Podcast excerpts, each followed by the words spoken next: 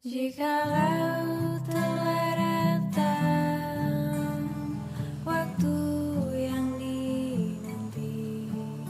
semuanya, kembali lagi ke channel saya. Kali ini kita akan mereview Dua Garis Biru karya Gina S. Nur.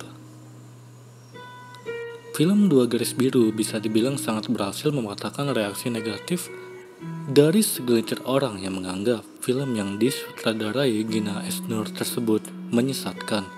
Padahal, tema yang ingin disampaikan berasal dari sebuah problematika yang mungkin sering terjadi di sekeliling kita, yaitu soal pernikahan dini.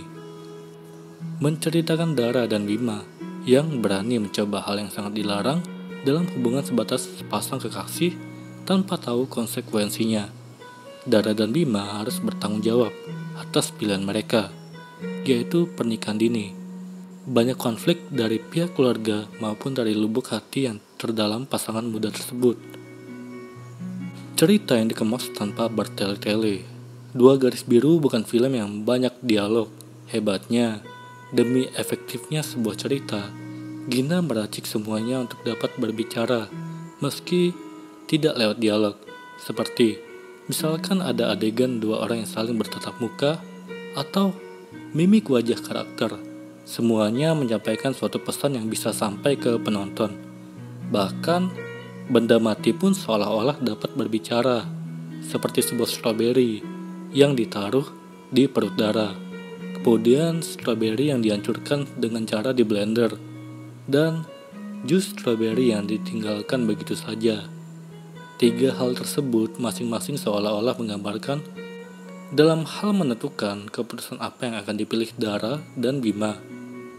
Komedi yang disajikan tidak memaksa bikin penonton tertawa. Malah, unsur komedi yang diselipkan di film Dua Garis Biru ini layaknya dua sisi mata uang, positif dan negatif. Satu sisi dapat mencairkan suasana dari masalah yang teramat sangat serius yang ditampilkan sejak awal. Sedangkan di sisi lain, masih merusak momen serius yang seharusnya dapat disadari oleh penonton. Contohnya, pada adegan di mana kakak Bima yang marah-marah karena perbuatan yang sangat bodoh yang dilakukan oleh adiknya. Ekspresi kesal super maksimal yang seharusnya bikin penonton sedih, malah sebaliknya, yaitu bikin ketawa penonton. Pemanfaatan karakter yang maksimal. Seperti dalam skripnya, semua karakter dibuat sangat padat dan berakting secara maksimal, termasuk para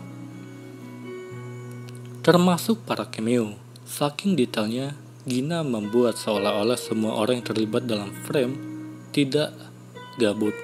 Adegan di mana para tetangga Bima yang secara tidak langsung memberikan bocoran soal kehidupan rumah tangga yang penuh permasalahan atau keberadaan tokoh Asri Welas yang secara sekilas menggambarkan respon natural melihat kehamilan dini.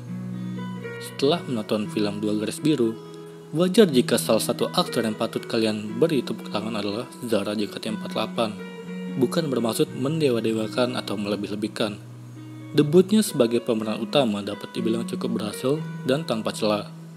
Aktingnya juga mampu menyempurnakan debut Gina sebagai sutradara di film produksi Star Vision ini. Akting nyempuran dari Zara sebagai Daras makin terasa lengkap ketika beradu akting dengan Angga Yunanda sebagai Bima.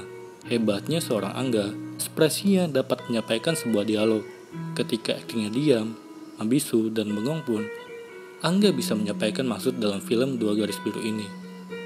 Turut menghadirkan pemain senior seperti Cut Mini dan Arswendi Bening Suara sebagai orang tua Bima, serta Lul, serta Lul Tobing dan Dwi Sasono sebagai orang tua Zara.